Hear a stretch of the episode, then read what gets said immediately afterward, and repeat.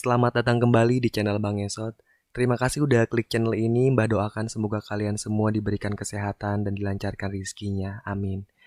Baik, pada kesempatan kali ini, Mbah mau bawain sebuah kisah nyata yang dialami sama almarhum kakek Mbah sendiri. Namanya Mbah Sarta. Kakek Mbah itu mantan abri di zaman Pak Harto. Semasa hidupnya beliau sering ditugaskan ke berbagai daerah untuk membasmi para pemberontak di Indonesia. Nah, setelah beliau pensiun, beliau pulang ke kampungnya dan bekerja sebagai penjaga perkebunan karet di sana. Sebagai penjaga perkebunan karet, Abah Sarta ini diharuskan untuk nginep di sebuah gubuk yang udah disediakan sama pihak perkebunan. Gubuk itu nggak ada listrik, sehingga Abah Sarta harus menggunakan lampu canting sebagai penerang di malam hari. Nggak jauh dari perkebunan karet, ada sebuah kampung namanya Kampung Kubang Kondang. Saat itu kampung ini sangat miskin. Banyak warga yang nggak kebeli beras. Mereka harus makan nasi aking untuk bertahan hidup. Dan pada suatu hari, ada seseorang yang meninggal. Namanya Pamanto. Pihak keluarga sangat miskin. Mereka bahkan gak kebeli kain kafan untuk Pamanto. Saat itu gak ada satupun warga yang mau nyumbang kain kafan. Jadi istrinya Pamanto memodifikasi sarung peninggalan suaminya untuk dijadikan kain kafan. Dibungkuslah Pamanto dan dikuburkan. Malamnya diadakan pengajian. Gak ada sesuguhan apa pun kecuali air putih. Dua hari setelah Pamanto meninggal, semua baik-baik saja. Tapi di hari ketiga, Pamanto mulai bergentayangan. Semenjak saat itu, kampung Kubang Kondang diteror oleh pocong. Gak ada satupun warga yang berani keluar rumah malam-malam. Mereka bahkan memasang jimat di depan rumahnya. Jimat itu dimaksudkan untuk penangkal pocong. Setiap malam, pocong Pamanto keliling kampung, menangis sambil minta dikafani dengan layak. Begini kira-kira suaranya. Aduh, dingin, minta kain kafan dingin. Balik lagi ke Abah Sarta. Di antara semua warga, hanya Abah Sarta lah yang paling gak percaya sama makhluk halus. Mereka bilang, Abah Sarta ini sinting. Sudah jelas-jelas Pak Manto itu gentayangan. Tapi Abah Sarta tetap tidak percaya. Sampai akhirnya istrinya ngejemput ke perkebunan karet. Tapi dijawabnya malah kayak gini. Halah, pocong. Percaya sama gituan? Kalau ada datang aja sini kata Abah Sarta. Abah Sarta malah nantangin. Malamnya pas Abah Sarta lagi beres-beresin karet tiba-tiba ia ngedenger suara kresek-kresek di belakang gubuk. Itu tuh kayak suara orang lagi lompat-lompat. Buru-buru Abah Sarta ngambil senter, terus ngecek ke belakang gubuk. Ada apa sih sebenarnya? Pas dia cek, gak ada siapa-siapa. Dia hanya ngelihat batang-batang pohon karet yang berjajar rapi di sana. Abah Sarta pun kembali ke gubuknya. Dia cuci kaki, terus masuk ke kamar untuk tidur.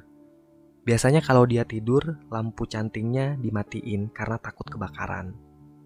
Tengah malam, pas dia lagi nyenyak-nyenyaknya tidur, Tiba-tiba lampu canting itu nyala sendiri. Terus kaki Abah Sarta kayak ada yang niupin. Dia pun bangun dan terheran-heran kenapa lampu itu nyala lagi. Abah Sarta meniup lampu canting itu dan kembali ke tempat tidurnya. Dia mencoba untuk memejamkan mata.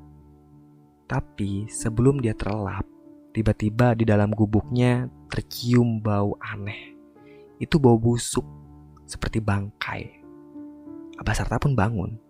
Dia heran dari mana asal bau itu. Dia mengendus-enduskan hidungnya tapi tidak ketemu asalnya itu baunya dari mana. Sesaat kemudian ada suara seorang lelaki di luar memanggil nama Abah Sarta. Sarta, tak, aku datang tak, aku datang kata seorang lelaki itu. Serta pun kaget, siapa malam-malam begini yang manggil nama dia? Dia lalu turun dari tempat tidurnya, kemudian membuka pintu. Anehnya, gak ada siapa-siapa, namun suara itu masih ada, masih terdengar. Abah Sarta mencoba mencari sumber suara tanpa wujud itu. Suara itu lalu terdengar lagi, tapi kali ini menggunakan bahasa Sunda. Tiris, aing tiris, menta boe. Begitu suaranya, yang artinya dingin, aku dingin. Aku minta kain kafan. Selang beberapa saat, suara itu tidak terdengar lagi. Tapi tiba-tiba di antara pohon-pohon karet yang gelap, muncul sesosok manusia. Semakin dekat, sosok itu semakin jelas. Itu seorang perempuan. Siapa dia?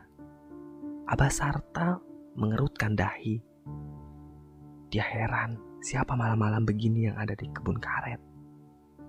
Semakin dekat, wajahnya semakin jelas. Dan ternyata itu adalah istrinya Abah Sarta. Ngapain dia malam-malam datang ke kebun karet? Istri Abah Sarta berhenti. Dia tidak menghampiri suaminya. Dia berdiri di antara batang-batang pohon karet, lalu melambaikan tangan sambil berkata pada suaminya, "Bah, pulang dulu, Bah. Bah, pulang, pulang, Bah. Pulang dulu." Jawab Abah Sarta, "Gak bisa. Abah lagi kerja.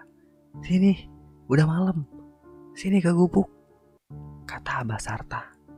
Namun, tiba-tiba sosok istrinya itu malah berubah menjadi pocong yang sangat mengerikan. Pocong itu tersenyum ke arah Abah Sarta. Bukannya takut, Abah Sarta malah balik ke gubuknya untuk ngambil golok.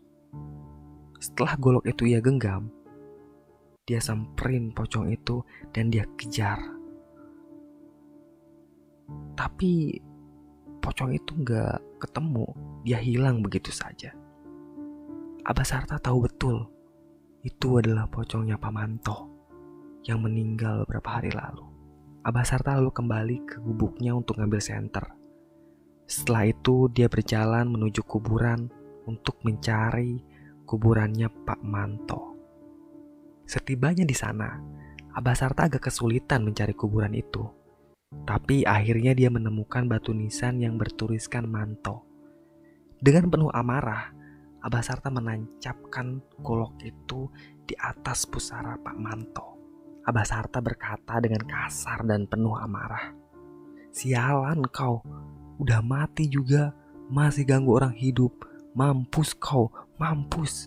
Berkali-kali dihujamkan golok itu di atas gundukan pusara Pak Manto. Dan sesaat kemudian gundukan itu bergetar. Muncul asap dari dalam gundukan tanah. Abah Sarta terkejut. Dia mundur beberapa langkah. Dia tetap waspada. Bersambung. Terima kasih sudah mendengarkan podcastnya Bang Esot. Nantikan kelanjutannya ya. Salam merinding.